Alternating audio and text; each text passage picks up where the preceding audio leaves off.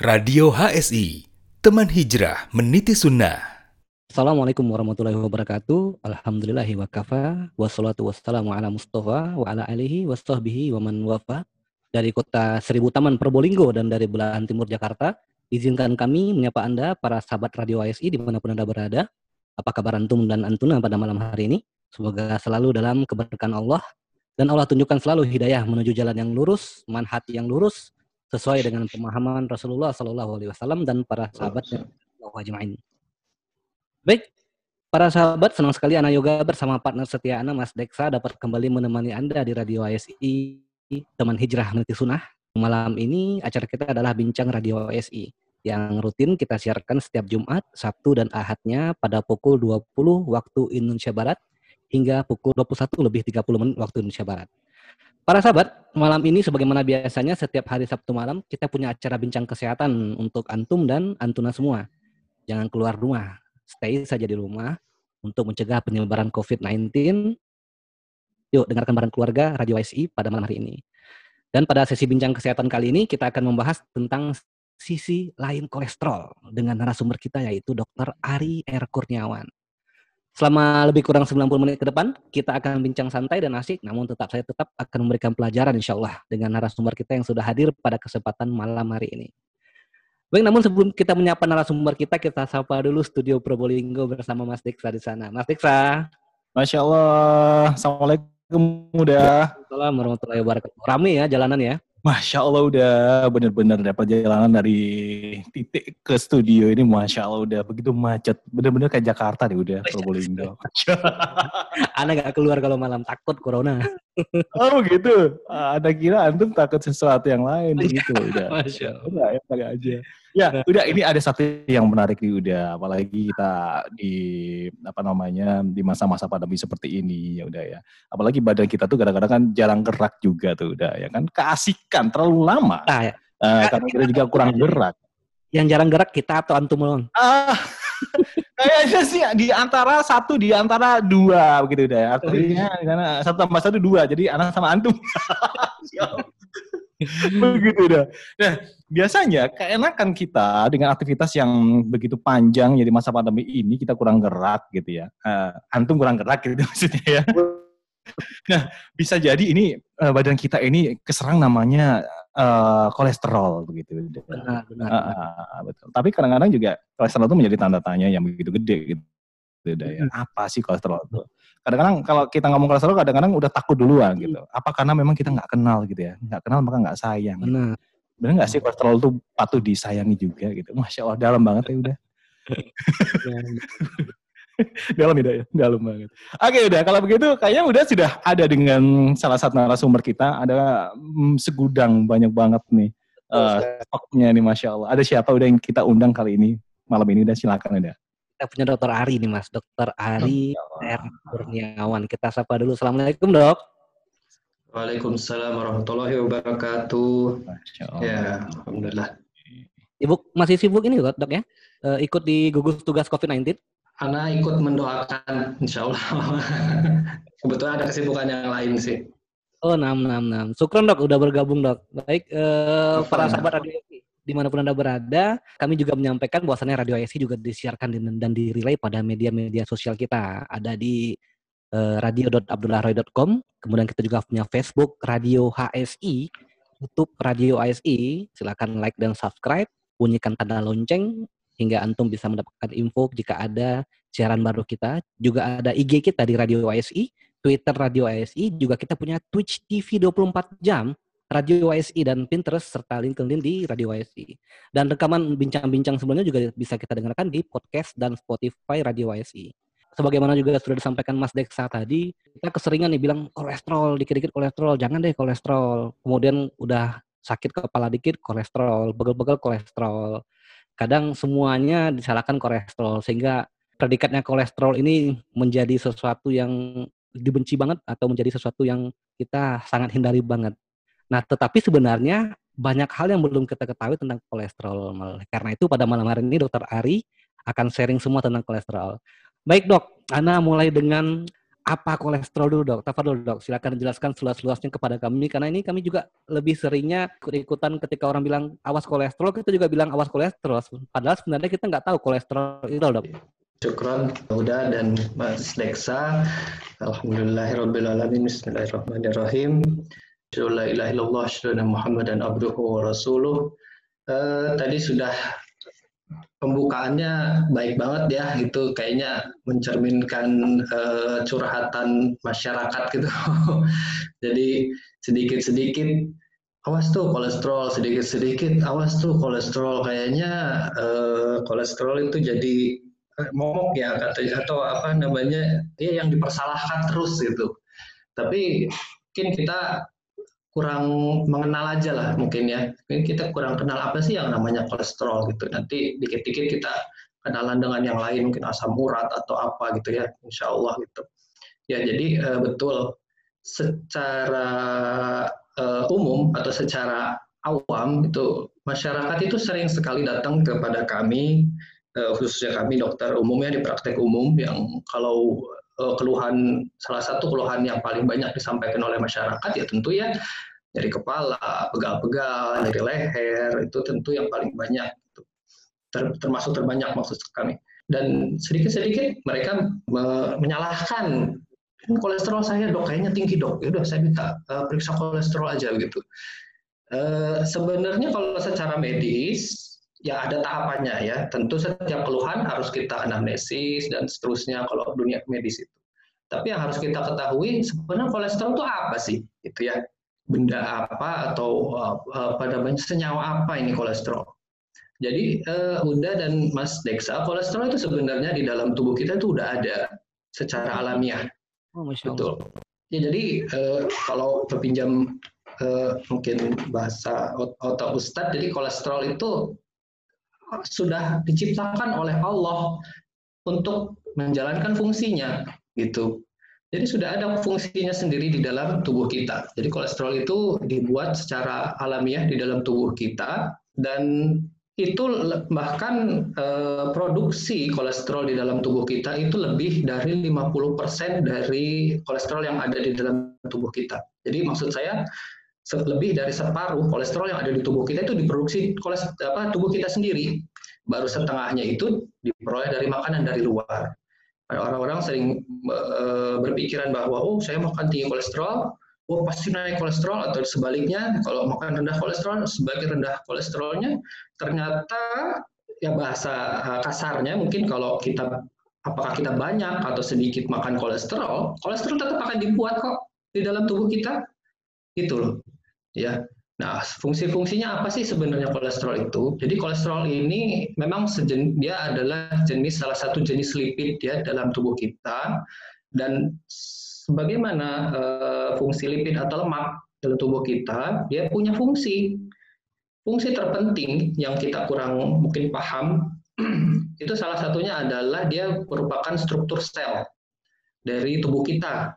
Jadi kalau kita ini kan manusia itu di, di apa namanya di susun. Dari bertriliun sel mas ya. Eh, bertriliun sel seperti batu bata gitu. Nah, batu bata batu satu batu bata dua batu bata sampai triliunan batu bata jadilah kita nih. Jadilah kita manusia. Nah satu batu bata itu dikatakan seperti itu sel. Nah lapisan terluar batu bata itu nah itulah salah satunya diperkuat oleh kolesterol. Itu salah satu fungsinya. Fungsi yang lain apa Fungsi yang lain ada dia membantu atau juga membuat struktur jaringan saraf. Jadi kalau saraf itu seperti, nah kalau di dalam rumah sekali lagi buat mudahnya ya pendengar sekalian, dalam rumah itu seperti jaringan listrik. Ya kan di dalam rumah kita udah kita tersusun oleh batu bata batu bata menyusun rumah kita atau sel-sel itu menyusun tubuh kita. Nah kan harus nyala rumah ini ya ada lampunya, ada kabelnya, ada jaringan listrik. Dan jaringan listrik itu, jaringan saraf itu yang menyusun adalah kolesterol antara lain. Kemudian apalagi membuat garam empedu. Empedu itu mungkin ya yang biasa kita tahu ya ada cairan empedu yang mungkin eh, tahu ya ampela atau ya, ya daerah situlah arti gitu ya. Empedu itu untuk melarutkan lemak itu sendiri. Jadi kalau kita makan lemak dilarutkan oleh garam empedu, nah itu garam empedu itu dibuat dari mana? Dari kolesterol Fungsi lain lagi membuat hormon-hormon. Contohnya hormon-hormon yang penting untuk keteraturan sistem tubuh kita, terutama hormon-hormon reproduksi. Jadi seperti mohon maaf kita nih laki-laki Mas um, yoga nih tampak janggutnya nih, masya Allah gitu. itu salah satu hormon reproduksinya yang bahan bakunya kolesterol juga, Mas. Gitu. Yang lain apa? Membuat vitamin D. Nah, itu vitamin D mungkin nanti akan ada sesi khusus ya insya Allah kalau inilah kita bahas. Ini Masya Allah kalau kita bahas vitamin D ini, anak takjub gitu ya, berapa betapa ciptaan Allah ada satu vitamin D yang itu harus diproduksi dengan bantuan hanya dengan bantuan sinar matahari. Jadi nanti kita bisa bahas lebih lanjut mungkin kapan, tapi intinya vitamin D ini hanya bisa dibentuk dengan bahan baku kolesterol, tapi dia hanya bisa diaktifkan dengan paparan radiasi sinar matahari. Bayangkan betapa Allah menciptakan alam ini benar betul-betul buat kita gitu manusia gitu ya. Kalau kita ya mau apa ya memikirkan gitu. Jadi ya secara umum seperti itu kolesterol itu jadi apabila ada gangguan di kolesterol itu fungsi tadi itu bisa terganggu ya. Eh, salah satu yang menjadi eh, concern bidang kami kebetulan kami sedang mendalami ilmu nutrisi. Contohnya misalnya pada atlet wanita, Mas. Jadi atlet wanita yang masih muda itu yang diporsir eh, latihannya, yang misalnya dia latihan maraton sampai dari muda ya, sejak sebelum pra remaja, remaja sampai dewasa muda, itu bahkan kadar kolesterolnya itu bisa rendah sekali sehingga hormon eh, reproduksi wanitanya terganggu. Dia mengakibatkan ya mohon maaf mungkin saya katakan di sini dia akan sulit hamil nantinya gitu. Itu bahkan sampai seperti itu gangguan metabolisme kolesterol atau uh, kebutuhan tubuh kita akan kolesterol itu sampai seperti itu. Tapi memang apa namanya gangguan akibat dari kurangnya kolesterol itu lebih sedikit, jauh lebih sedikit daripada eh, gangguan-gangguan akibat kolesterol yang tinggi. Ya intinya kita perlu menyadari saja bahwa sebenarnya kolesterol itu bukanlah hal yang harus kita takuti bagaimana. Nanti kita belajar lebih lanjut sebenarnya gimana sih kolesterol itu sebenarnya ya, intinya kita tahu dulu dasarnya kolesterol itu apa sih dalam tubuh kita? Oh ternyata memang tubuh kita memproduksi kolesterol fungsinya demikian dan uh, mungkin nanti kita akan bahas lebih lanjut bagaimana nih kolesterol apakah memang kalau berlebihan tuh bahaya bahaya banget nggak sih? Atau ya uh, atau harus seperti apa gitu? Uh, gitu mas ya. Masya Allah. Jadi memang sebenarnya kolesterol itu memang benar-benar ada dalam tubuh kita dok ya jadi selama yeah. ini iya. pemahaman kita bahwasannya ini kolesterol berasal dari makanan apalagi hmm. dari itu salah berarti ya Ya itu tidak mungkin mungkin harus diluruskan aja sih ya. E, ada ada ada beberapa yang harus diluruskan. Ya, tidak sepenuhnya salah, tapi mungkin kalau terlalu dijadikan sebagai momok juga. E, tapi kita istilahnya kita nggak mau belajar gitu. Kita kalau nggak mau belajar jadi terus saja kita akan takut terus itu. E, apa namanya? Ya lebih baik kita mempelajari sehingga kita tahu langkah-langkah apa yang harus kita lakukan untuk mengatasi kolesterol ini gitu mas. Nah sekarang gini dok, ini Anda masih belum puas nih. Bagaimanapun kalau ada kalimat kolesterol pasti kita menganggapnya sebagai sesuatu yang berbahaya. Baik hmm. dari media juga bilang begitu, kemudian juga eh, kadang kita apa namanya medical check up ke dokter juga bilang awas ya, loh pak juga. Ya. Sebenarnya letak bahaya itu di mana? Apa memang benar-benar kolesterol itu berbahaya dok? Apa dok? Ya baik. Uh, kalau untuk mengatakan bahwa kolesterol full berbahaya eh, itu tergantung ya. Tidak bisa seperti seperti itu ya sebenarnya. Cuman mungkin karena kalau di medis kami memang sudah diajarkan dan dididik eh, dilatih bahwa memang adalah satu faktor risiko penyakit penyakit yang sekarang lagi ya banyaklah terjadi ya di sekitar kita. Itu salah satu yang menyumbangnya itu kolesterol yang tinggi. Eh, tapi apakah sesederhana itu menyatakan kolesterol itu pasti full eh, selalu berbahaya tergantung ya. Jadi kolesterol itu gini, itu eh, lemak ya lemak. Ya gambarnya gimana ya? Kita bayangkan seperti kalau bahasa Indonesia gaji itu tahu ya Mas Eli ya Mas ya? Nah, gaji air. Ah gaji yang mungkin gaji, tapi yang sejenis lemak itu, tapi dia ada di dalam uh, darah kita. Kan uh, gaji itu kan nggak bisa larut dengan air ya mas ya. Benar-benar. Ya. Minyak, minyak itu contoh lemak sebenarnya. tidak bisa berlarut dengan air, tidak bisa jadi satu. Pembuluh darah ya darah kita itu uh, basisnya air.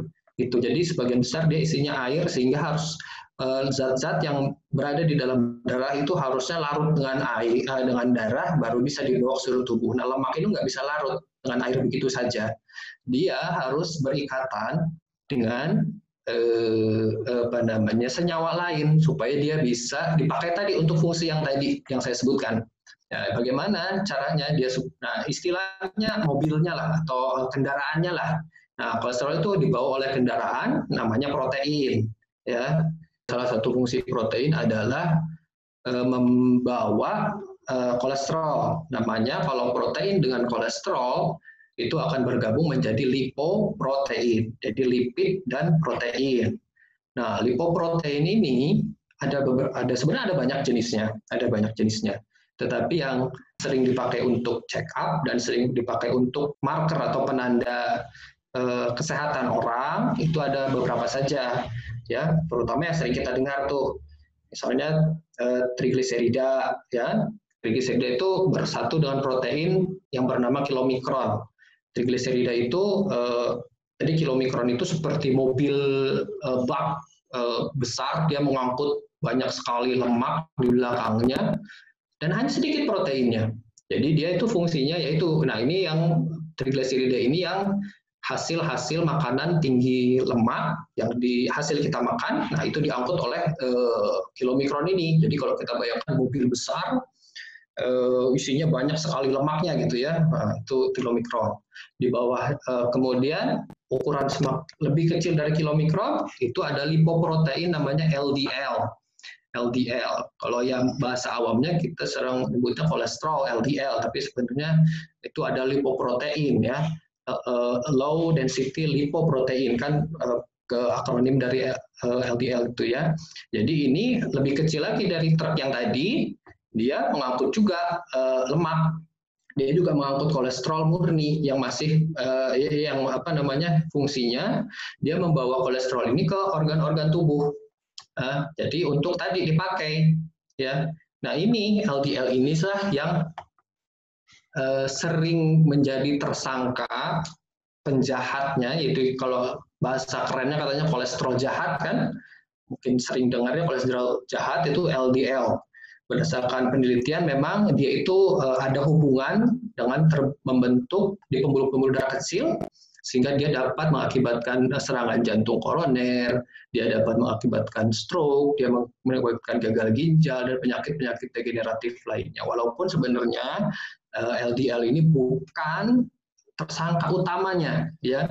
Jadi LDL ini salah satu saja mungkin dia apa ya mungkin eh, ya anak buahnya lah ada yang lain gitu yang dia menyebabkan penyakit-penyakit itu. LDL itu mungkin hanya kebetulan dia ya sedang beredar lah kebetulan gitu ya. Karena salah satu fungsinya dia memang adalah tadi ya mengangkut uh, kolesterol ke seluruh tubuh.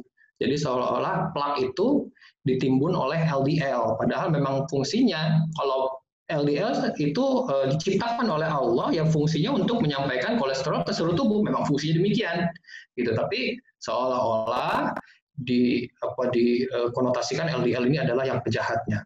Oke. Kemudian lanjutnya adalah lipoprotein HDL. Ini lebih kecil lagi ukurannya. Dia di, kita sering sebut adalah kolesterol yang baik. Kenapa disebut kolesterol yang baik? Karena dia isinya uh, dia itu tugasnya ngangkut mengangkut lemak-lemak hasil uh, sisa-sisa yang tadi di drop sama LDL. Nah, sisa-sisa lemaknya diangkut lagi sama HDL untuk dibawa ke hati kita, ke liver kita untuk dimetabolisme lebih lanjut. Jadi seolah-olah HDL ini baik, jadi dia membersihkan sampah-sampah lemak lah yang ada di pembuluh darah itu yang secara awam, secara awam disebut kolesterol baik. Nah, jadi eh, itu macam-macamnya sebenarnya ya.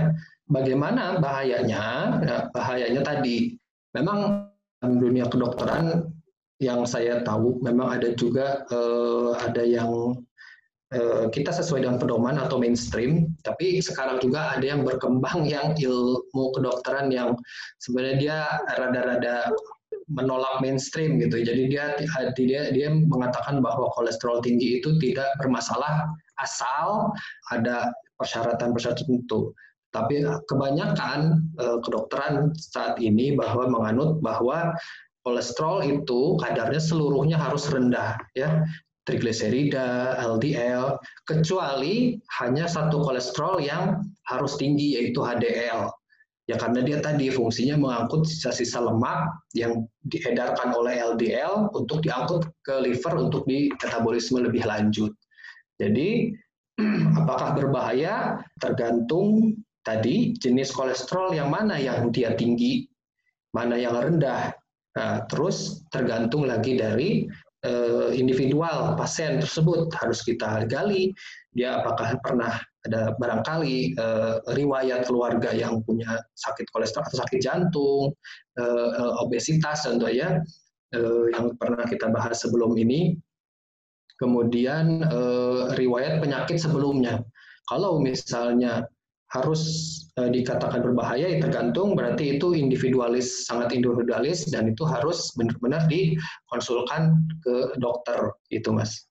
Nah, masya Allah. Jadi kita udah mulai buka pintunya nih dok. Bahwasannya ya. benar-benar kolesterol ini tidak tidak menjadi musuh sebenarnya kalau kita tahu cara penanganannya dok ya. Ya, betul. Jadi harapan kami uh, menyampaikan ilmu ini semoga uh, para pemirsa uh, dapat memahami uh, apa sih seluk-beluk yang harus kita pahami dalam menghadapi ya namanya kolesterol gitu ya. Hmm. Karena akses pemeriksaan kolesterol itu cukup relatif mudah ya.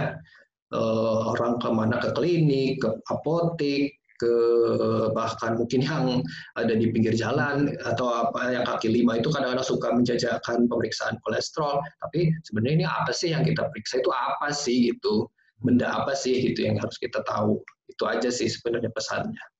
Baik benar. Kita tahan dulu dok para yeah. sahabat radio SI di mana pun anda berada kita masih punya waktu satu jam ke depan dengan narasumber kita jangan lupa tetap pantau dan stay tune di radio SI di radio.abdurraroy.com Kemudian Facebook juga ada di Radio HSI, YouTube kita Radio HSI. Jangan lupa like and subscribe, bunyikan tanda lonceng. IG kita juga ada di Radio HSI, Twitter kita di Radio HSI, dan kita punya Twitch TV 24 jam Radio HSI, serta Pinterest dan LinkedIn di Radio HSI. Dan rekaman bincang-bincang kita sebelumnya juga dapat didengarkan kembali di podcast dan Spotify Radio HSI. Baik, para sahabat setia Radio HSI, pada saat ini HSI Abdullah Roy juga telah menerbitkan majalah HSI edisi ke-18 Zulhijjah 1441 Hijriah, yaitu edisi dari bulan Juli hingga Agustus 2020 Masehi dengan tema meneladan sang kekasih Allah. Para sahabat radio ESI bisa menikmati kisah-kisah penuh haru dan menggugah iman dalam sajian meneladan sang kekasih Allah, yakni Nabi Ibrahim alaihi salam tentang cerdiknya beliau menghadapi kaum musyrikin serta ketaatan dan kesabaran beliau melaksanakan perintah-perintah Allah. Simak juga rubrik menarik lainnya seperti penerimaan angkatan 202. Nah, ini yang baru kita tutup pada malam hari semalam ini pukul 00 lebih 00 waktu Indonesia Barat. Dan juga juga kita juga punya rubrik mengajak Ananda mencintai Haromain, kemudian juga menjadi wanita sebaik-baik palang pintu dan kegiatan tebar kurban HSI yang sudah dilaksanakan beberapa waktu yang lalu pada waktu uh, Idul Adha. Untuk informasi selengkapnya, para sahabat Radio HSI bisa mengklik di majalah hsi.com slash edisi 018. Sekali lagi, majalah hsi.com slash edisi 018. Surat pembaca juga bisa dikirimkan melalui bit.ly slash surat pembaca majalah HSI. Sekali lagi, bit.ly slash surat pembaca majalah HSI. Serta informasi kritik dan saran bisa disampaikan melalui nomor WA 085340595995. Itu juga kami sampaikan sekali lagi informasi dan saran untuk WA majalah HSI di 0853 Baik dok, kita sampai ke LDL tadi. LDL yang ternyata adalah pengantar lemak kepada seluruh tubuh. Ini kalau eh, kesannya yang bagi-bagi bagi-bagi lemak yang bikin lemak apa yang bikin kolesterol numpuk ke seluruh tubuh jadi dia dong dok.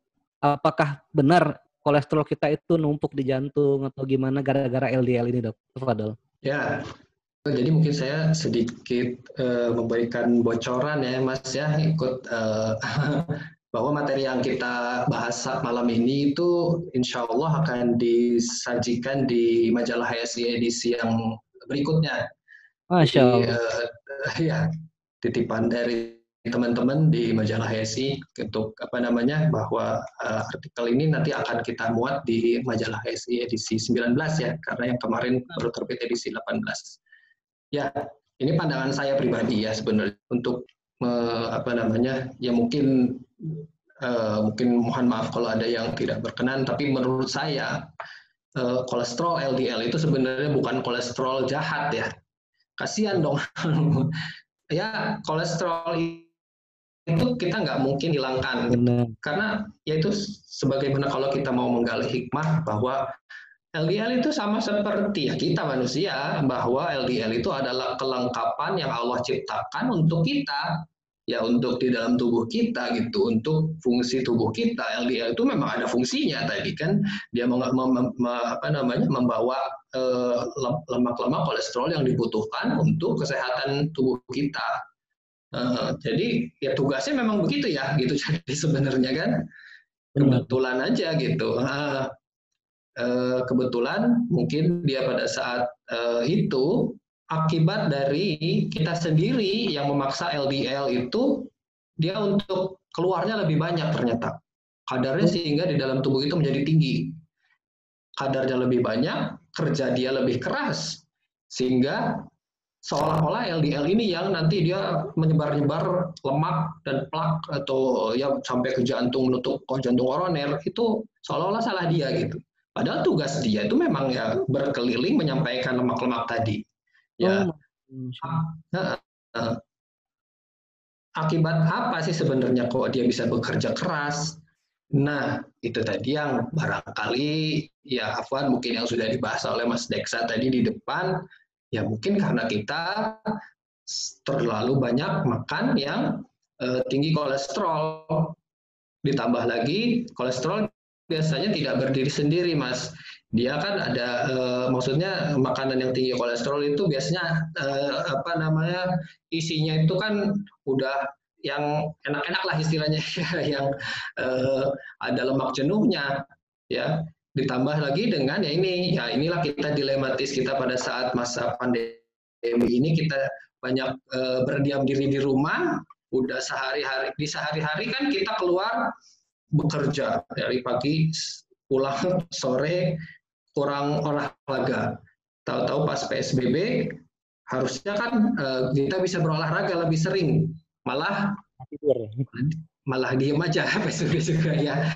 Ya, jadi kombinasi itulah yang sebenarnya yang membuat makanan eh apa namanya kombinasi antara makanan-makanan yang tinggi kolesterol yang memang kalau sehari-hari apa sih makanannya yang gurih lah, jelas itu yang enak-enak lah kasarnya gitu ya. Oke dok, kita pengen tahu dok yang mana dok kira-kira dok. Oke oke, jadi oke okay, contohnya ini yang saya sampaikan dari beberapa sumber nanti akan disampaikan juga di majalah HSI. Contohnya ya yang eh, yang baru kita lewati momen-momen sepekan yang lalu eh, yang baru berkurban itu contohnya daging merah. Daging merah sebenarnya kalau daging merah yang lean yang apa ya lean itu yang yang uh, yang lemaknya sedikit ya. Yang bagian lemak sedikit itu kandungan kolesterol per 100 gramnya itu tidak terlalu tinggi. 70 paling 90 mg kolesterol. Kecuali kalau kita makannya tentu banyak. Kalau banyak ya uh, lebih dari 100 gram dua kali tiga kali ya tentu akan menjadi tinggi karena kolesterol di dalam tubuh kita. Uh, tetapi kan kita lihat dari hikmah anda membayangkan begini, uh, memang kita tidak melarang makan daging-daging merah, tetapi pada penelitian terkini disarankan untuk memakan daging-daging merah itu dijarangkan, mas. Uh, mungkin sepekan sekali lah, itu sarannya seperti itu, ya. Tapi kalau kita mau mengambil hikmah pola hidup atau pola makan dari Rasulullah SAW, beliau memang senang makan daging kan, kita tahu kesenangan beliau itu uh, bagian yang mana itu ya. Uh, anak mungkin sedikit lupa tapi daging domba itu beliau makan. Dan tetapi apakah itu menjadi sering? Kan ya? Berarti beliau mak beliau makan seperti biasa tetapi pada saat-saat tertentu. Pada saat ada makanan tersebut pada saat disuguhkan oleh para sahabat. Dan kalau kita mau mengambil hikmah barangkali eh, dengan Idul Adha kenapa eh, Allah memberikan kebe maksudnya kebe keleluasaan pada saat Idul Adha dengan hari tasyrik yang begitu panjang ya pada hari itu kita dipersilahkan untuk mencoba menikmati gitu. Kalau ini menurut pemikiran Anda mohon maaf. Tetapi bukan berarti kalau itu menjadi jadi uh, Allah menunjukkan bahwa uh, inilah makanan yang ya yang kalau jarang-jarang kita makan tapi enak gitu. Tapi kalau sering, nah ini kurang baik gitu ya sebenarnya. Jadi uh, saran Anda untuk daging-daging merah kita jarangkan penelitian terkini sepekan sekali. Ya. Sepekan sekali. Kemudian yang ke, ya sepekan sekali untuk daging merah. Jadi kita kalaupun uh, penikmat daging ya kita sehari-hari daging putih lah ya ayam, ikan gitu ya. Itu lebih uh, ada kolesterolnya tapi tergantung pengolahannya juga. kambing juga termasuk. Kemudian yang, ya? kambing termasuk ya kambing termasuk. Kemudian Uh, yang kedua kuning telur. Kuning telur ini uh, ini Mas tadi ya, Mas Deksa bahas itu ya tadi ya. Uh, ini yang jadi kesenangan kita semua. Justru kan yang paling enak dari telur bagian kuningnya Kuning. ya Mas ya. Kuningnya. tapi gimana nih kita jadi ya tapi ya ini uh, ya kita sampaikan saja faktanya bahwa memang dalam kuning telur dalam 100 gramnya terdapat 178 mg kolesterol. Nah, 178 mg kolesterol berdasarkan pedoman eh, yang baru itu disarankan kita hanya boleh mengonsumsi 300 mg kolesterol sehari ya. Karena apa tadi? Tadi kan sudah disebutkan bahwa kolesterol itu sudah ada dalam tubuh kan. Jadi sebenarnya kita nggak terlalu butuh banyak-banyak gitu dari luar gitu dari makanan kita. Jadi ya eh, ini pedoman ini yang dikeluarkan di eh, dari biasanya dari American Heart Association ya 300 mg itu sudah cukup maksimal lah istilahnya kalau kita tambahan kolesterol dari makanan kita. Jadi kalau 300 ya kuning telurnya itu atau telurnya itu ya kalau di sini memang dua mungkin ya atau satu lah satu sehari. Tetapi kan belum dengan makanan-makanan yang lain, ya belum makanan-makanan yang uh, basisnya senangan kita nih, kesenangan kita orang Indonesia apa nih mas biasanya mas? Ya kalau buka puasa wajib tuh kayak tanya. kalau kurma sunnah, tapi kalau ini wajib nih. Gorengan ya mas ya biasanya mas ya. Kita kalau nggak ini dok, harus pak ada goreng kalau nggak ada gorengan nggak afdol rasanya. Nah gitu katanya, afdolnya ada gorengan itu orang Indonesia. Benar. Jadi uh, Ana juga baru kemarin uh, diperlihatkan oleh guru Ana di bidang nutrisi bahwa orang Indonesia itu adalah uh, konsumen minyak goreng tertinggi di dunia, Mas. oh, Anda pikir oh iya murah ya orang. Kebunnya di sini kan ini kebunnya di Indonesia gitu. Kita yang bikin. Tapi memang di, di dunia Indonesia paling tinggi. Kita mau katakan uh, mungkin kita bangga nomor jadi nomor satu ya tapi bangga sedih gitu ya. Ya jadi uh, kemudian makanan lain ya makanan-makanan laut ya seafood mas. Terus ya. produk susu keju. Seperti keju margarin, butter. Ya ini kesannya kok kayaknya makannya enak-enak semua ya. Benar, benar sekali dong.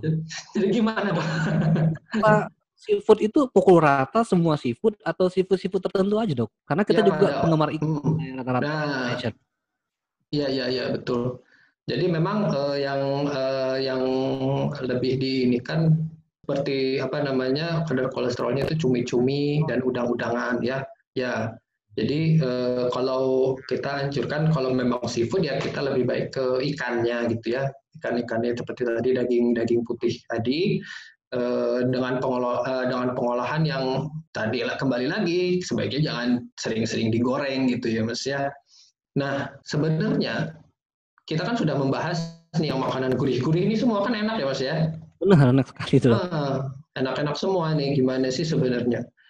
E, ternyata e, bukan itu aja, Mas. Oh ada lagi dok? ada lagi.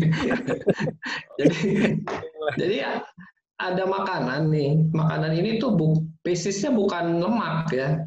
Dia bukan berbasis lebih. Kalau kelebihan, makanan itu metabolis bisa dimetabolisme dan mengakibatkan kadar khususnya trigliserida kita menjadi tinggi. Ya.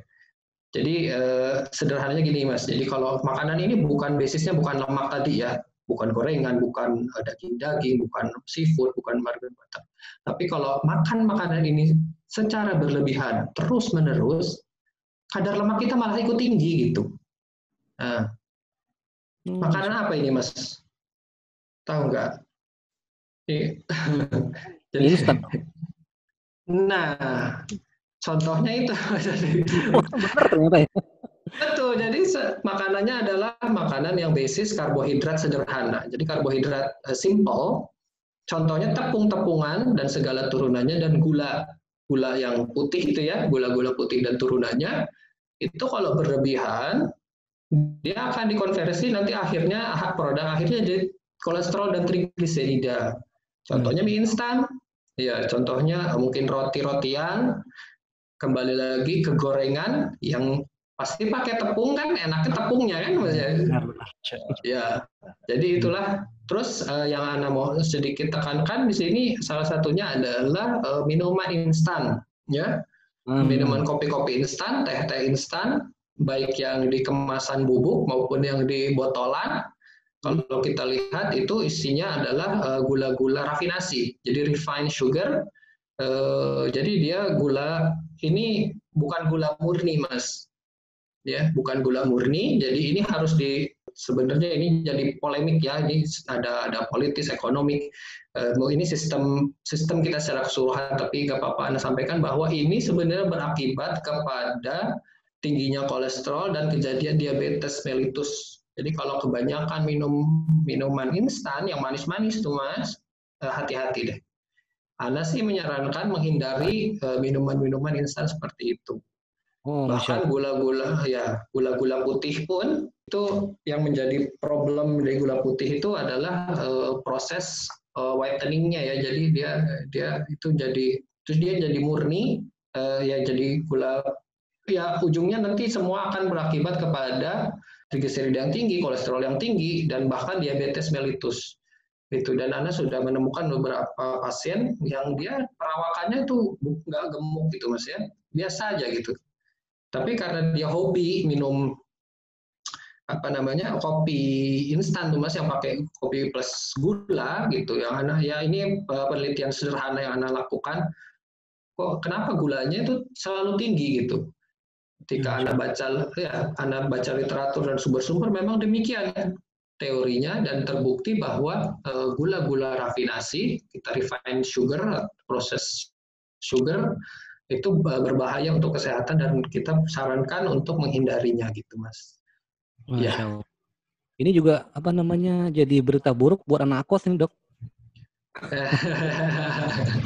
Baik, Dok. Uh, Tadi dokter berkata bahwasannya ini akan berakibat kepada diabetes mellitus dan segala macamnya. Kita kadang mengatakan ketika kita udah sakit diabetes mellitus kah, jantung kah, kita lupa tentang kolesterolnya. Nah, ada orang yang memang mengatakan benar-benar kalau ke rumah sakit itu, dok, saya sakit nih, kolesterol saya naik. Kalau udah mulai apa hmm, namanya, hmm. Eh, pegel-pegel, ya, sakit betul, betul, betul. Yang kolesterol. Apa benar ada tuh sakit kolesterol seperti itu, dok? Oke.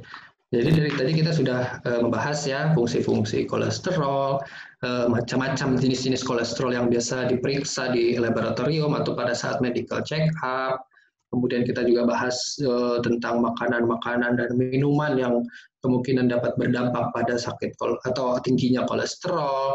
Tapi kita kembali lagi ke awal tadi, sebenarnya sakit kolesterol tuh ada nggak sih berarti kalau kayak begitu ya?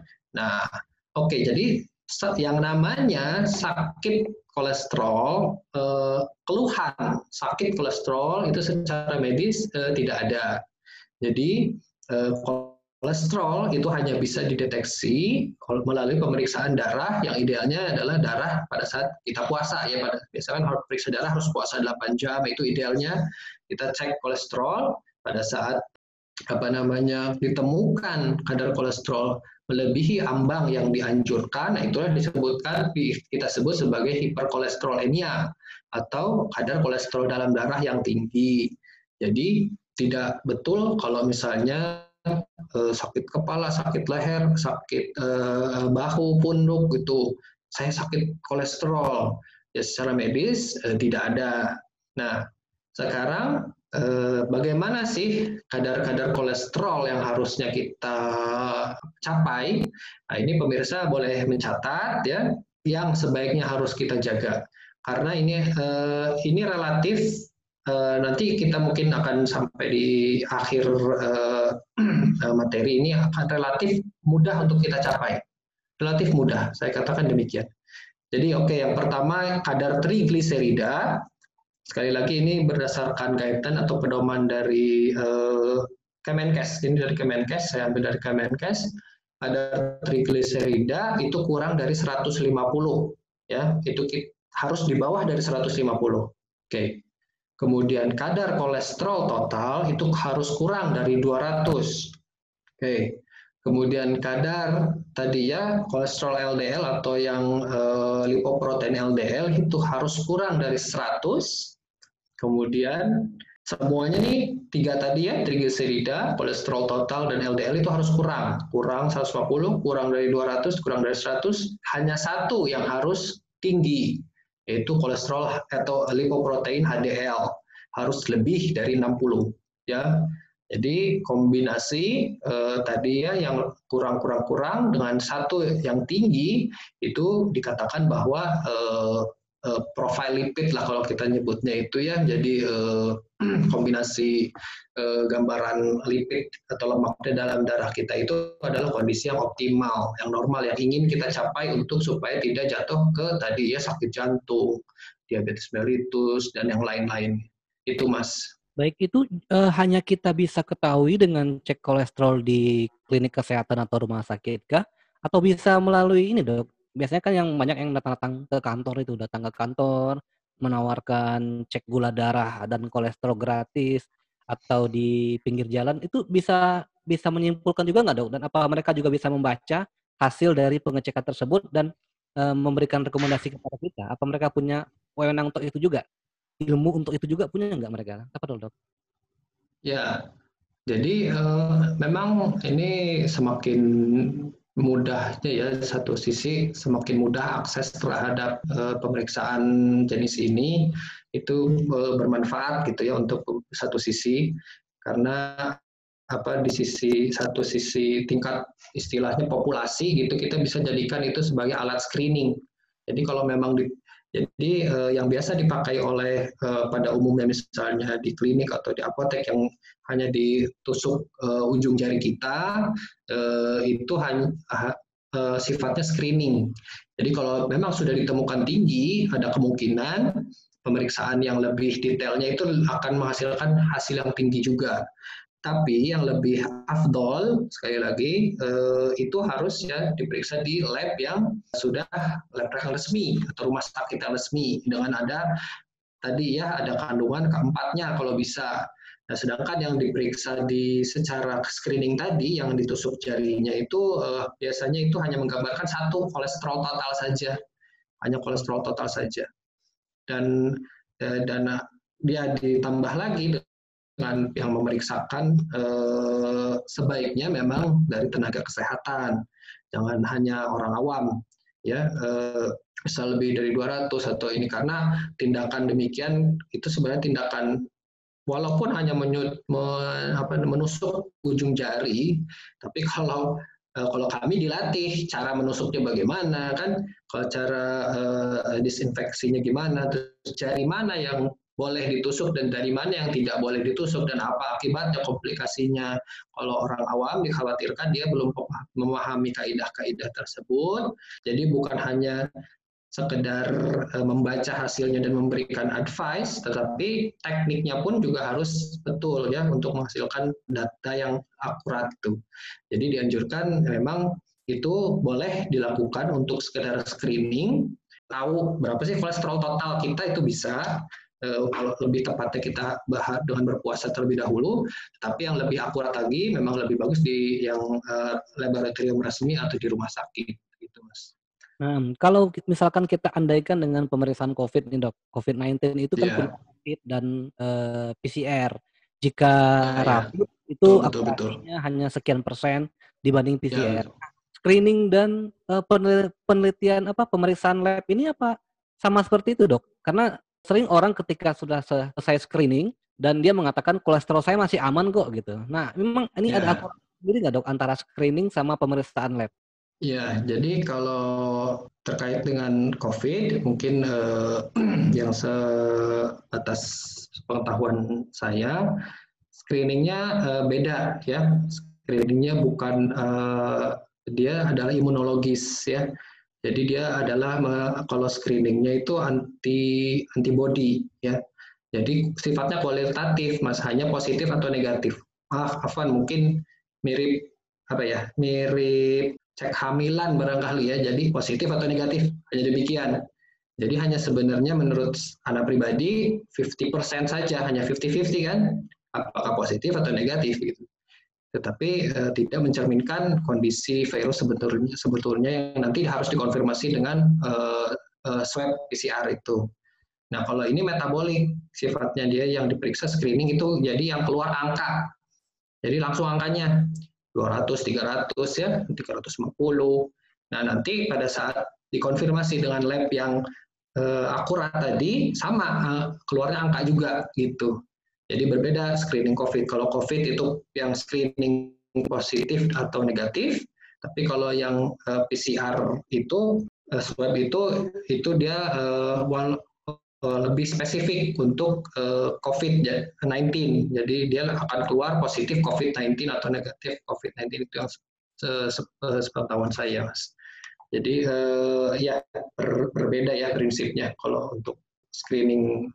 Tapi kalau tadi screening kolesterol itu uh, sedikit bisa diandalkan, ya bisa diandalkan kalau oh saya aman kolesterolnya, eh, insya Allah bisa. Jadi dia mungkin dia tidak perlu lanjutkan untuk ke eh, yang pemeriksaan yang detail di lab itu. Oh, bisa, Masya Allah. Berarti kalau ketika kita sudah tahu dari hasil screening kolesterol kita aman, berarti memang itu benar-benar akurat dok ya, aman ya?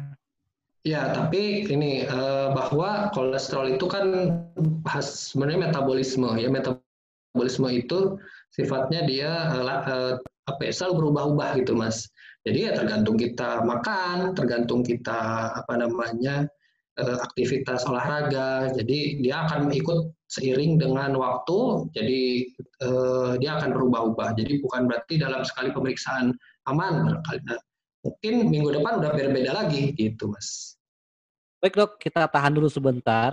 Uh, kami juga sampaikan informasi bahwasannya pada saat ini ASI Abdullah Roy telah menerbitkan majalah HSI edisi ke-18 Zulhijjah 1441 Hijriah atau edisi Juli dan Agustus 2020 Masehi dengan uh, temanya adalah meneladan sang kekasih Allah.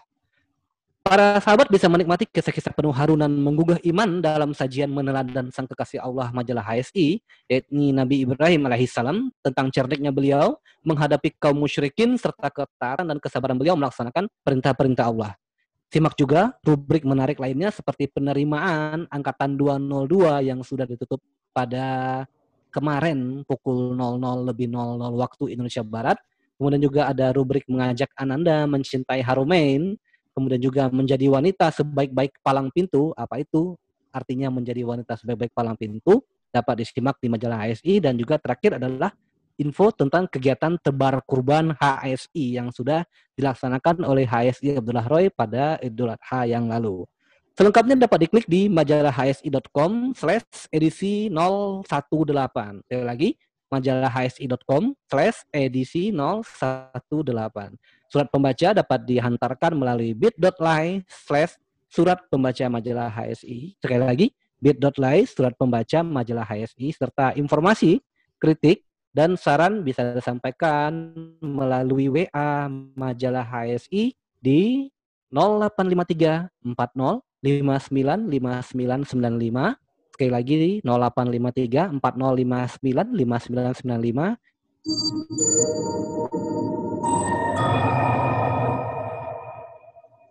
Radio HSI, teman hijrah meniti sunnah.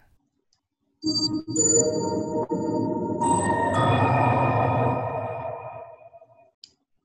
Baik pendengar masih bersama dengan Radio HSI ya yang coba untuk bisa menemani Anda semuanya. Jangan lupa para pendengar semuanya ya. Anda bisa bergabung bersama kami di sini. Oke, kita akan kembali sapa Udah Yoga yang sudah standby lagi di Jakarta ini Masya Allah. Gimana udah cukup menarik banget ya udah ya ternyata kolesterol tuh banyak macamnya lah udah ya. Ada yang dan lebih khawatir nih Mas Dex. Kenapa bisa begitu? Ini udah mulai mawas diri deh kayaknya. instan nggak boleh soalnya Mas. Gitu ya. eh, tapi di grup sebelah sudah ada yang loh nggak apa-apa udah yang penting kopinya jangan sampai kurang begitu katanya. Oke udah kita akan lanjut lagi bersama dengan Dokter Ali silakan. Baik Mas Deksa. Nah dokter kita sudah bahas tadi banyak sekali tentang yeah. kolesterol. Nah sekarang anak pengen tahu nih dok obat obat penurun kolesterol. Ini kalau di Jakarta ini di kaki-kaki lima atau di pinggir jalan banyak banget dok apalagi di, hmm. di toko-toko online kalau kita buka yeah, yeah. tulis kolesterol semua keluar obat penurun kolesterol. Nah ini apa benar ada? Kalau ada apa boleh memang dijual bebas atau gimana dok? Apa dok? Oke, tadi kita review sedikit ya, sudah kita ketahui bahwa kolesterol ini tadi sudah ada dalam tubuh, fungsinya seperti apa, makanannya yang sumber tinggi kolesterol apa, terus kadar-kadar kolesterol yang harus kita capai itu seperti apa atau berapa ya. Nah sekarang masalahnya bagaimana kalau kolesterol saya tinggi? Oke kalau gitu saya uh, beli aja kan mudah murah lagi ya. Setahu saya uh, mudah murah dan ya udah habis apa namanya perkara kolesterol saya akan menjadi normal. Nah Nah, itulah kelemahan sistem perobatan atau sistem uh, medis kita yang salah satunya adalah uh, obat-obatan sebenarnya dia adalah kategori obat-obatan uh, yang merah ya obat. Uh, lingkaran merah obat keras. Oh, masya Allah. Jadi keras itu bukan berarti keras yang menakutkan, tapi artinya keras itu dia harus dikonsumsi berdasarkan petunjuk dan resep dari dokter. Ya, karena apa? Obat-obat ini mempunyai efek samping ya. Kita walaupun ada benefit yang kita dapatkan misalnya turunnya kadar kolesterol tetapi kalau dokter yang meresepkan dokter itu akan mempertimbangkan kebutuhan pasien akan obat ini. Jadi setiap dokter itu wajib mempertimbangkan manfaat dan mudarat dari e, terapi yang akan dia berikan. Itu wajib ya. Terutamanya efek samping berdasarkan dari apa ya tentu yang hal lain yang dipertimbangkan riwayat penyakit pasien itu sendiri seperti apa? Apakah kadar kolesterolnya itu tinggi sekali kah gitu? Dan apakah dapat membahayakan dia apabila tidak diberikan terapi obat itu Terus bagaimana riwayat penyakit keluarga pasiennya itu apakah ada riwayat ada sakit jantung, ada sakit tinggi kolesterol seperti dia gitu. Kita lihat nilai juga seperti uh, usianya, pekerjaannya, uh, aktivitas fisiknya, makannya itu semua itu akan dipertimbangkan oleh dokter sebelum dokter memberikan efek apa obat penurun kolesterol. Jadi Eh, sekali lagi sebelum kita mengonsumsi obat penurun kolesterol secara bebas, ada baiknya kita mengkonsultasikan hasil eh, kolesterol kita itu kepada dokter kepercayaan kita. Ya, salah satu efek samping yang dikhawatirkan di apa eh, yang pernah terlaporkan di Amerika itu adalah memang keluhannya eh, yang terutama adalah keluhan nyeri-nyeri uh, otot ya. Tapi keluhan nyeri otot ini uh, sangat mengganggu sekali. Mungkin terkait dengan genetik juga, saya kurang tahu. Tapi uh, dan yang lainnya terkait dengan produksi hormon tadi. Ya, hormon yang tadi di atas itu dia bisa mempengaruhi uh, rendahnya hormon. Kalau itu memang secara betul diakibatkan oleh pemberian dari obat penurun kolesterol, yang mengganggu sampai uh, sistem hormonal uh, kita, tentu uh, dokter akan menggantinya dengan obat-obatan yang lain. Nah, obat penurun kolesterol ini terutama diberikan itu kepada orang-orang yang sebenarnya sudah sakit, misalnya dia sudah pernah terkena serangan jantung.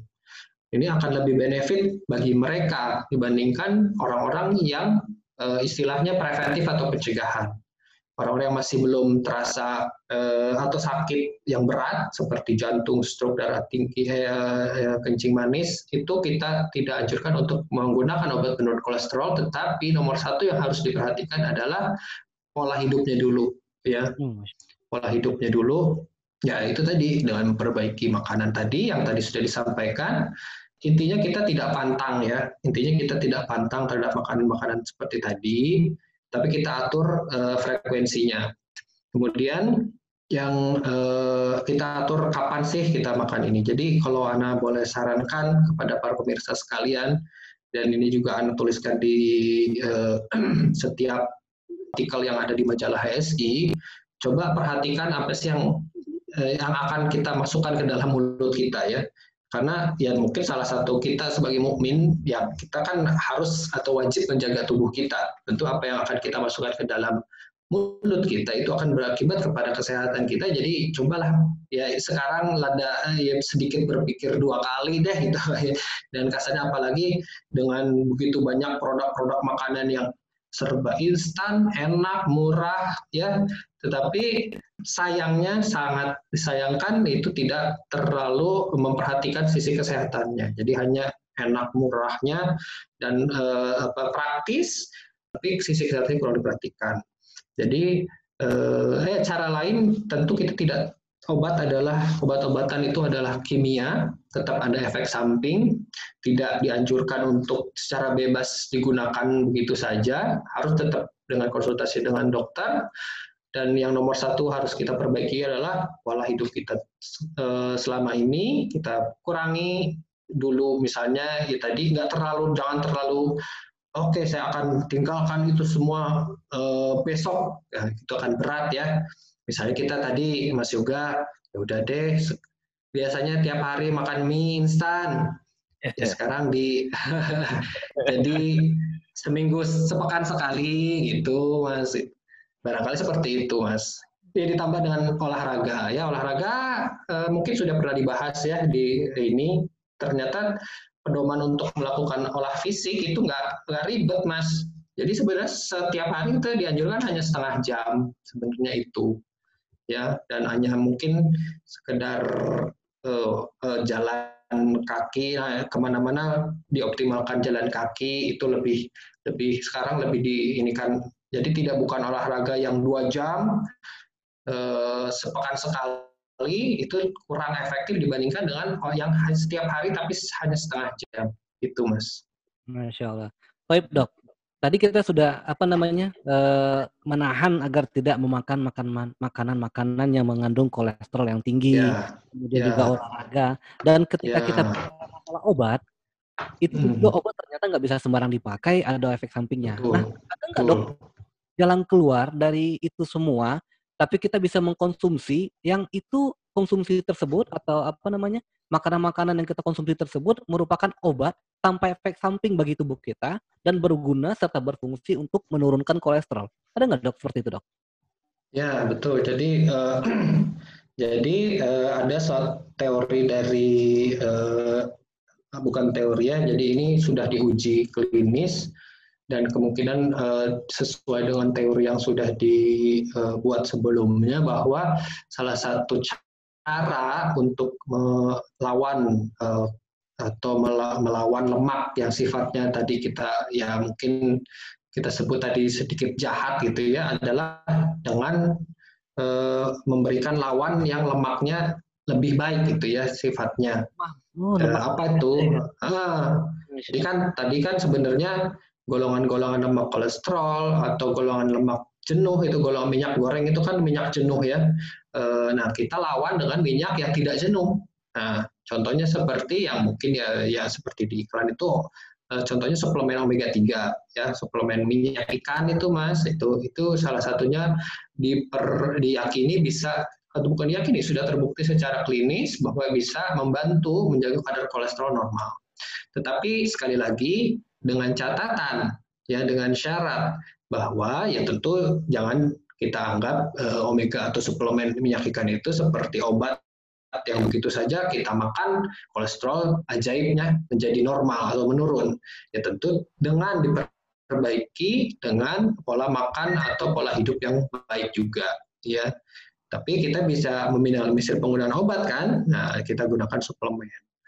Terus selain suplemen apa e, ternyata ada makanan lain yang e, mengandung lemak tidak jenuh juga buah-buahan contohnya e, alpukat ya Alpukat itu katanya oh, kolesterol tinggi, bukan, bukan kolesterol. Dia adalah jenis lemak yang baik untuk alpukat. Ya, jadi kalau kita eh, eh, apa namanya menyenangi alpukat, tapi jangan di apa namanya di jus pakai gula dan minyak susu kental manis ya gitu. Jadi ya kita eh, sedikit ya kembali ke alam lah gitu mas. Terus tentunya buah-buahan, sayur-sayuran yang seratnya tinggi ya seratnya tinggi yang kalau kita makan tuh krenyes-krenyes itu sayur-sayuran dan buah-buahan yang seperti itu eh, dia membantu mengikat lemak yang ada di dalam eh, apa usus kita terus dibuang bersama kotoran jadi otomatis tidak semua lemak yang dari makanan kita akan terserap masuk ke dalam darah jadi nanti jadi kalau kalau kita sedang makan besar daging, ya kita perbanyak sayurnya gitu ya. Daging merah tadi contohnya. Kita misalnya ya ini sedikit ke barat-baratan steak dengan apa brokoli atau uh, wortel atau buncis itu kan. Nah, kita banyakkan brokolinya. Nah, gitu. Nanti dia akan brokoli ini uh, kan uh, uh, ada serat tinggi ya. Dia akan mengikat lemak yang ada dalam daging steak itu uh, untuk tidak terserap oleh tubuh, oleh usus, dan uh, lemaknya itu akan dibuang bersama kotoran itu. Jadi sekarang lebih bagus uh, anjuran Kemenkes juga ya pemerintah sudah mendengungkan juga bahwa uh, piring kita, piringku itu, piring kita makan itu setengahnya itu harus kalau bisa ada sayur dan serat, mas. Mungkin ya ada kesempatan dan kita akan bahas. Jadi nasi itu bukan setengah lagi, mas. Jadi sekarang itu sepertiga nasinya, mas. Sepertiga. jadi kita sepertiga nasi itu. jadi tadi udah mie, mie instan nggak boleh, sekarang nasinya dikurangi nih mas. Makin bingung ya mas. nah, uh, dok, kita udah punya banyak pertanyaan yang masuk nih dok. Nih kalau soal kolesterol. Siap, siap, insya Allah. Masya Allah. Benar. Apalagi tadi udah ada rambu-rambunya, daging merah, yeah. mie instan, yeah. gula-gulaan yeah. dan segala macamnya. Ini pada banyak yang nanya nih. Karena ini emang yang enak-enak semua ternyata. Masalah baik. Betul, betul, uh, betul. Benar. Uh, pertanyaan pertama, dok, kalau sudah punya kolesterol kan biasanya punya alarm tubuh. Nah, kadang kalau berlebihan makanan tertentu, tiba-tiba pusing kepala bagian belakang misalnya atau tanda-tanda yang lain. Nah, kemudian juga ini ada hubungan dengan pertanyaan kedua juga. Malam dok, saya mau bertanya, belakangan ini saya lumayan sering merasakan kaki saya panas dan terkadang kesemutan hanya sampai pergelangan kaki saja. Tidak terjadi terus-menerus sih. Uh, tetapi yeah. apakah pertandanya adalah kolesterol tinggi? Apa cara yang efektif menurunkan kolesterol tersebut? Nah, jadi ini mungkin lebih gejalanya, Dok. Apa gejala-gejala yeah. yang uh, bisa kita katakan tubuh kita sudah punya alarm kolesterol kita tinggi? Dan uh, yeah. yang kedua, yang paling efektif ketika kita uh, mendapatkan gejala seperti itu, apakah langsung minum obat kah? Uh, atau uh, mengkonsumsi uh, makanan-makanan sebagaimana yang telah dokter bilang tadi tentang lemak baik atau kita ke dokter dulu gimana dokter Fadul? Ya, ya ini jadi konsultasi ya jadinya sekalian gitu. benar benar Gak apa-apa, gak apa-apa. Uh, ya sekali lagi tadi di seperti yang saya katakan bahwa secara medis eh, kolesterol tinggi itu tidak eh, tidak ada keluhannya sih sebenarnya tidak mencerminkan ada keluhan tertentu yang spesifik gitu ya. Jadi eh, misalnya saya pusing atau saya nyeri eh, apa namanya leher belakang atau kaki panas kesemutan uh, itu masih banyak sekali yang harus digali ya sebenarnya. Kalau secara sis, dari sisi medis uh, misalnya dia pusing mungkin ya habis angkat uh, pasir barangkali kan kita nggak tahu kan gitu. Atau kaki panas kesemutan mungkin dia habis main bola atau bagaimana kan kita nggak tahu walaupun misalnya oh ini ternyata terasa tiba-tiba nah biasanya gini masih uh, mudahnya sih gini, jadi cuma tubuh kita itu sebenarnya dalam keadaan sehat, ya. Tubuh kita itu dalam suatu sebenarnya suatu uh, kondisi yang selalu seimbang dan sehat, ya. Seperti Allah uh, gambarkan eh, nyatakan dalam uh, satu ayat bahwa tubuh kita itu sebenarnya sudah sempurna dan sehat. Gitu.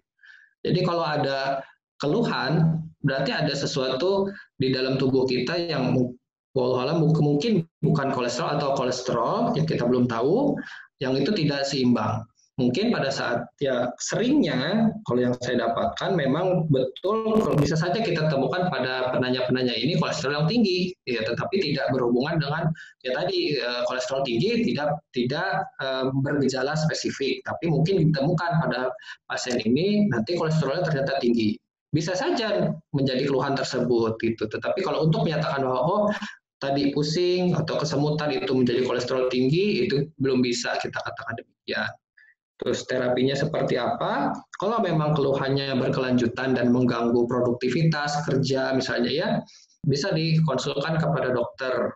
Terus kalaupun misalnya oh masih bisa ditahan, ya bisa kita coba dengan obat-obat yang uh, anti apa namanya anti analgetik ya, maksudnya obat-obat penahan nyeri, obat-obat kesemutan yang vitamin B kompleks itu eh, yang dijual bebas, kalaupun apa masih bisa ditahan sedikit itu, itu mas.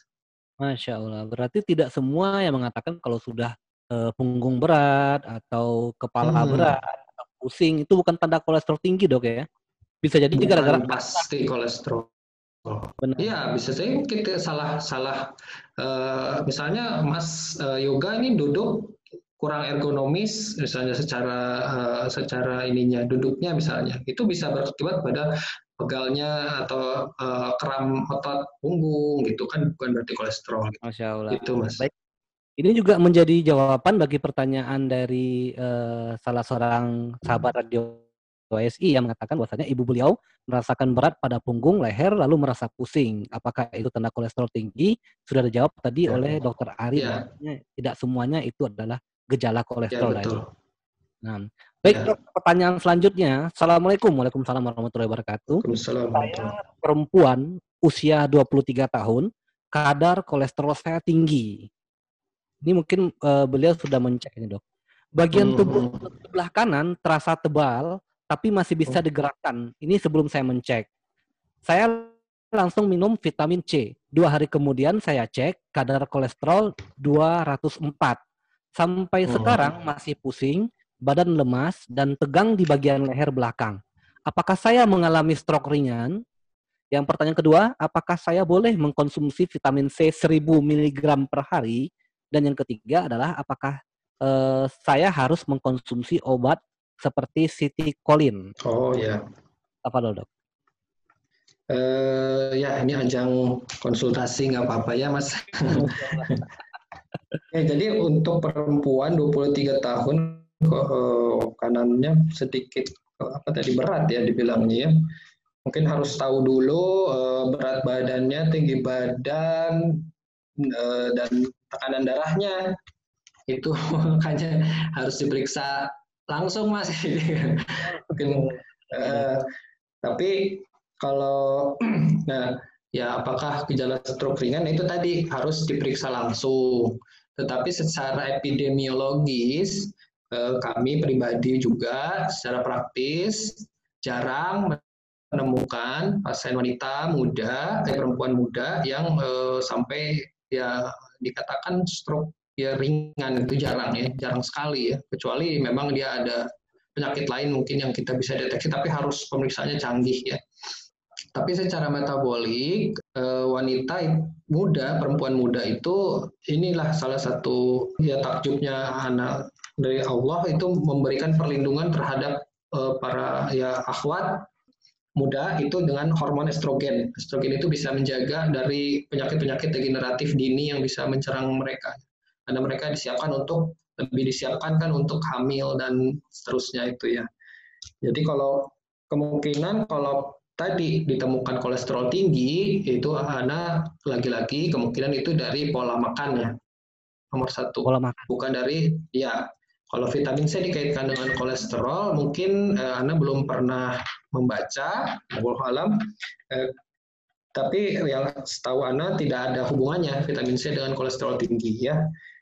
Eh, kemudian kemungkinan beliau eh, dari pola makan yang lain, mungkin tadi senang senang minum minuman eh, instan yang manis atau senang goreng-gorengan ya, senang mie, mie instan gitu barangkali ya. Kemudian C 1000 mg per hari. Ini tergantung tujuannya untuk apa Eh, kalau untuk menjaga apa tuh namanya menjaga kesehatan, sebenarnya untuk suplementasi fit C, kalau kita sedang makan buah itu dianjurkan buah aja dulu, terutama buah jambu biji. Ya, kalau uh, para akhwat yang muda kan mungkin barangkali mudah ya mendapatkan jambu, jambu biji itu lebih tinggi kandungan fit C-nya ya. Jadi dia satu bong satu buah itu bisa sampai 600 mg dan itu hari kita kalau bisa dua tiga kali bisa 1200 malah gitu ya. Daripada dan itu lebih alami karena ada seratnya uh, vitaminnya cukup tinggi. Dan sekarang uh, uh, dari medis sedang meneliti manfaat baju, uh, jambu biji terhadap pasien COVID ya. Jadi akan dibandingkan dengan vitamin C yang sintetik gitu. Sekarang sedang sedang anak-anak kemarin dapat uh, ada dari rumah sakit mana itu yang sedang meneliti uh, salah satu uh, nah ini yang salah satu tugas gugus tugas COVID adalah meneliti terapi yang uh, lokal yang bermuatan lokal itu yang bisa dipakai untuk pasien-pasien COVID itu ya. Uh, semoga Allah mudahkan. Jadi tadi Anda sih sarankan lebih perbanyak buah lah. Buah itu lebih uh, alami, buah sayur itu lebih banyak daripada harus mengkonsumsi suplemen vitamin C dosis tinggi. Kemudian apakah harus sitikolin? Nah ini uh, sitikolin ini nah ini uh, kemungkinan ini diresepkan oleh dokter. Jadi memang Ana harus atau ini dikembalikan kepada dokter yang merawatnya ya. Kalau memang ditemukan tanda-tanda harus didikasikan di uh, mengonsumsi obat sitikolin, ya sebaiknya kita ikuti. Itu aja. Masya Allah. Baik, pertanyaan selanjutnya. Dokter, apakah rokok bisa menyebabkan tinggi kolesterol? Rokok bisa oh. menyebabkan dosa. Hubungan rokok dengan kolesterol ya. Ya itu sambil merokok sambil makan gorengan kali mas itu jadi tinggi kolesterolnya. Enak kali itu ya. Sambil minum kopi instan, nah makin tinggi kolesterolnya. Tapi kalau secara langsung kedua-duanya rokok dan kolesterol menyebabkan per, pengerasan dinding pembuluh darah. Jadi pembuluh darah kita yang aslinya itu seperti kalau selang eh, kita selang air itu mas ya yang kan lentur ya kita bisa belok-belokkan kita bisa putar-putar gitu ya. Nah baik rokok dan kolesterol berbeda masing-masing itu bisa menyebabkan menjadi kaku seperti jadi kaku seperti pipa itu eh, selang. Selang itu jadi kaku dindingnya keras gitu. Bahkan itu menyebabkan darah tinggi dan rokok juga ya salah satu eh, ya kalau dibilang haram ya setuju sekali sih. Memang betul karena memang mudaratnya banyak sekali gitu ya. Jadi dia serangan jantung. Anda pernah mendapat pasien yang mungkin lebih muda dari Mas Yoga ya tapi perokok aktif serangan jantung Mas. Ternyata ya jadi dia eh, sehari dua bungkus itu katanya dan memang ada riwayat penyakit jantung di keluarganya pada awal 30 tahun umurnya dan sudah langsung positif serangan jantung. Alhamdulillah sih eh, Allah masih memberikan keselamatan bagi pasien bagi beliau. Eh, tapi itu rokok dan badannya apa atletis bahkan tidak gemuk, tidak kurus, bahkan atletis. Tapi hanya karena rokok gitu. Ya, itu Mas. Hmm. Selanjutnya dok, ini banyak pertanyaan. Afwan dokter, kalau boleh bertanya, bagian kaki saya lemas sekali. Ini disebabkan gula darah yang rendah kah atau kolesterol yang tinggi kah? Itu pertama. Yang kedua, apa yang bisa saya lakukan untuk menaikkan kadar gula darah sambil dengan menurunkan kolesterol? Sukron dok. Apa dok dokter? Ya, barangkali penanya ini sudah pernah memeriksakan darahnya kali ya. Karena nah, tahu gula, dar gula darahnya rendah dan kolesterolnya tinggi baru dikaitkan dengan keluhan kakinya yang sakit gitu ya walau alam. Tapi kalau gula darah rendah biasanya sih eh, kalau terlalu rendah biasanya eh, pasien itu cenderung pingsan mas bukan sakit kaki. Kayak ya Jadi kayak ya, jadi kalau gula darah rendah itu kalau terlalu rendah itu sampai pingsan atau minimal sakit kepala. Seperti kalau kita puasa pada saat hari-hari pertama itu sering kita merasa sakit kepala, Mas ya. Benar, benar. Nah, itu tanda eh, tanda-tanda itu gula darahnya rendah, tapi kan masih kita bisa tahan. Eh, tapi bukan ke sakit kaki. Tapi eh, sedangkan tadi eh, eh, kalau kolesterol tinggi dan kaki sakit ya tadi sekali lagi saya nyatakan bahwa tidak ada keluhan spesifik tentang kolesterol yang tinggi. Jadi kalau sekali lagi mungkin sakit kakinya akibat yang lain, tapi walau bisa saja akibat kolesterol tinggi, tapi ya, eh, ya berarti harus diperbaiki pola makannya itu aja, mas. Nah, pertanyaan terakhir yang kita bacakan dok pada malam hari ini, dokter, Ya. apakah riwayat keluarga bisa juga mengakibatkan kolesterol tinggi? Apa dok? Ya, di beberapa pedoman yang saya baca ada disebutkan hiperkolesterolemi eh, familial ya.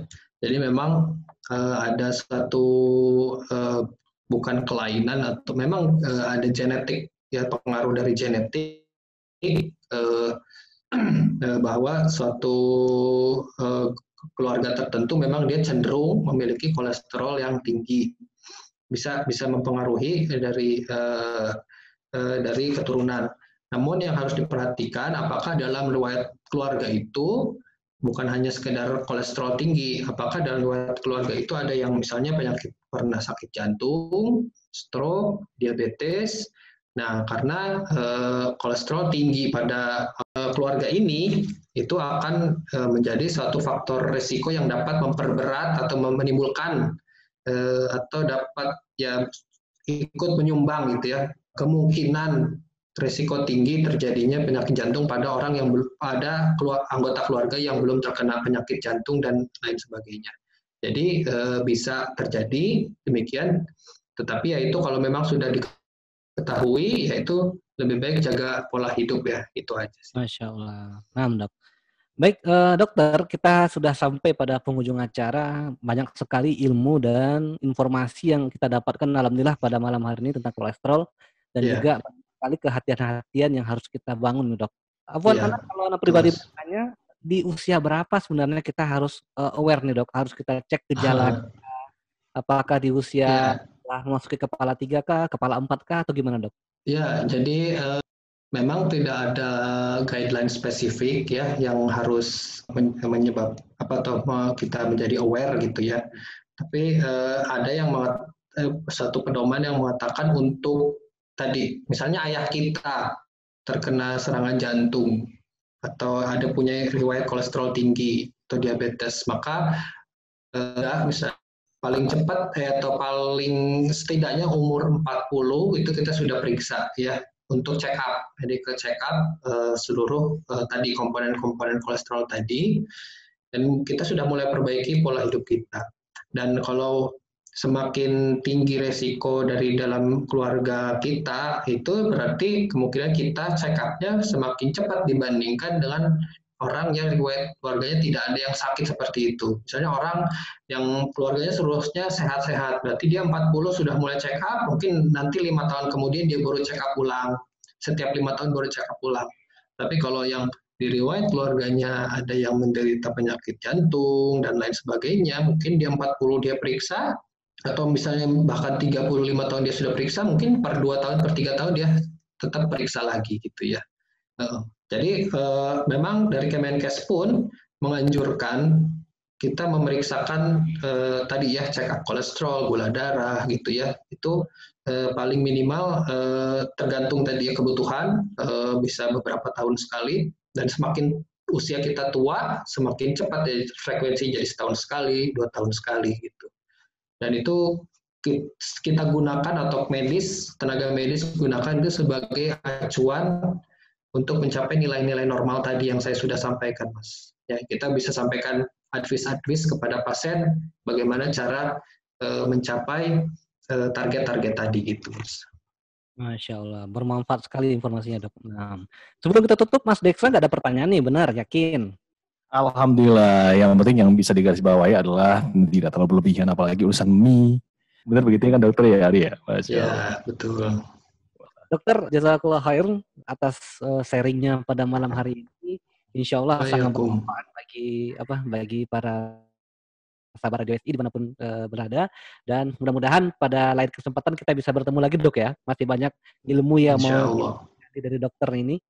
Insya Allah mas ya. Nah, sekali lagi syukur dok atas uh, kehadirannya pada malam hari ini di Radio ASI. Sabar Radio ASI. Nah, sabar Radio ASI di mana pun Anda berada, tak terasa waktu cepat berlalu dan sudah lebih kurang 90 menit kami menemani Antum dan Antuna di sesi bincang kesehatan pada malam hari ini. Saatnya kami undur diri, namun jangan khawatir. Insya Allah kita masih punya acara bincang motivasi hijrah besok di jam yang sama, yakni pukul 20 waktu Indonesia Barat hingga 90 menit ke depan. Dan untuk seksi besok, kita akan menghadirkan narasumber kita, yakni seorang pemburu kajian istilahnya, masya Allah pemburu kajian. Dan temanya juga tentang gimana beliau hijrah sambil uh, tetap memburu kajian. Masya Allah. Kalau, benar, benar Mas Deng. Ini menarik sekali ini kalau hijrah hijrah saja, terus kajiannya ke mana-mana. Maunya harusnya gimana dong? Kajiannya harus ke mana gitu. Masya Allah luar biasa. Ini jam berapa? Udah besok. Jangan lupa lo ini mendengar ya. Uh, nah, 20, pukul 20 Mas Dex. Waktu Indonesia bagian Barat ya. waktu bagian barat benar sekali. Ya, Baik udah kita akan standby besok insya Allah di waktu yang sama. Dan jangan lupa ikuti infonya, klik dan pantau terus di semua media sosial Radio YSI, di website radio.abdullahroy.com, Facebook kita di Radio YSI, YouTube di Radio HSI, silakan like dan subscribe, bunyikan tanda lonceng, Instagram kita di Radio HSI, Twitter kita juga ada di Radio HSI dan kita punya Twitch TV 24 jam di Radio HSI serta Pinterest dan LinkedIn di Radio HSI. Rekaman rekaman bincang sebelumnya juga bisa disimak di bit.ly di bit.ly slash podcast Radio HSI atau bit.ly slash Spotify Radio HSI atau uh, antum dan antuna sahabat Radio HSI bisa membuka langsung podcast dan Spotify langsung search saja Radio HSI. Insya Allah bisa langsung dapat. Baik, para sahabat, semoga kita bisa bertemu kembali untuk besok dan insya Allah semoga Allah menguatkan kita untuk tetap berjalan di jalannya yang lurus dan menghitung setiap amalan kita ini dan memberi pahala ibadah hingga saatnya kita tegak berdiri nantinya mempertanggungjawabkan amalan kita nanti di hadapan Rob Sang Penguasa Alam. Ana Yoga dan Mas Deksa. Udah yoga, jasa khairan untuk mendapatkan semuanya. Saatnya kita harus pamit untuk undur diri dulu. Masya Allah. Baik dari studio Probolinggo dan belahan timur Jakarta, kami pamit undur diri dan kita tutup dengan doa kafaratul majelis. Subhanakallahumma wa bihamdika asyhadu la ilaha illa anta astaghfiruka wa atubu ilaik. Assalamualaikum warahmatullahi wabarakatuh. Radio HSI, teman hijrah meniti sunnah.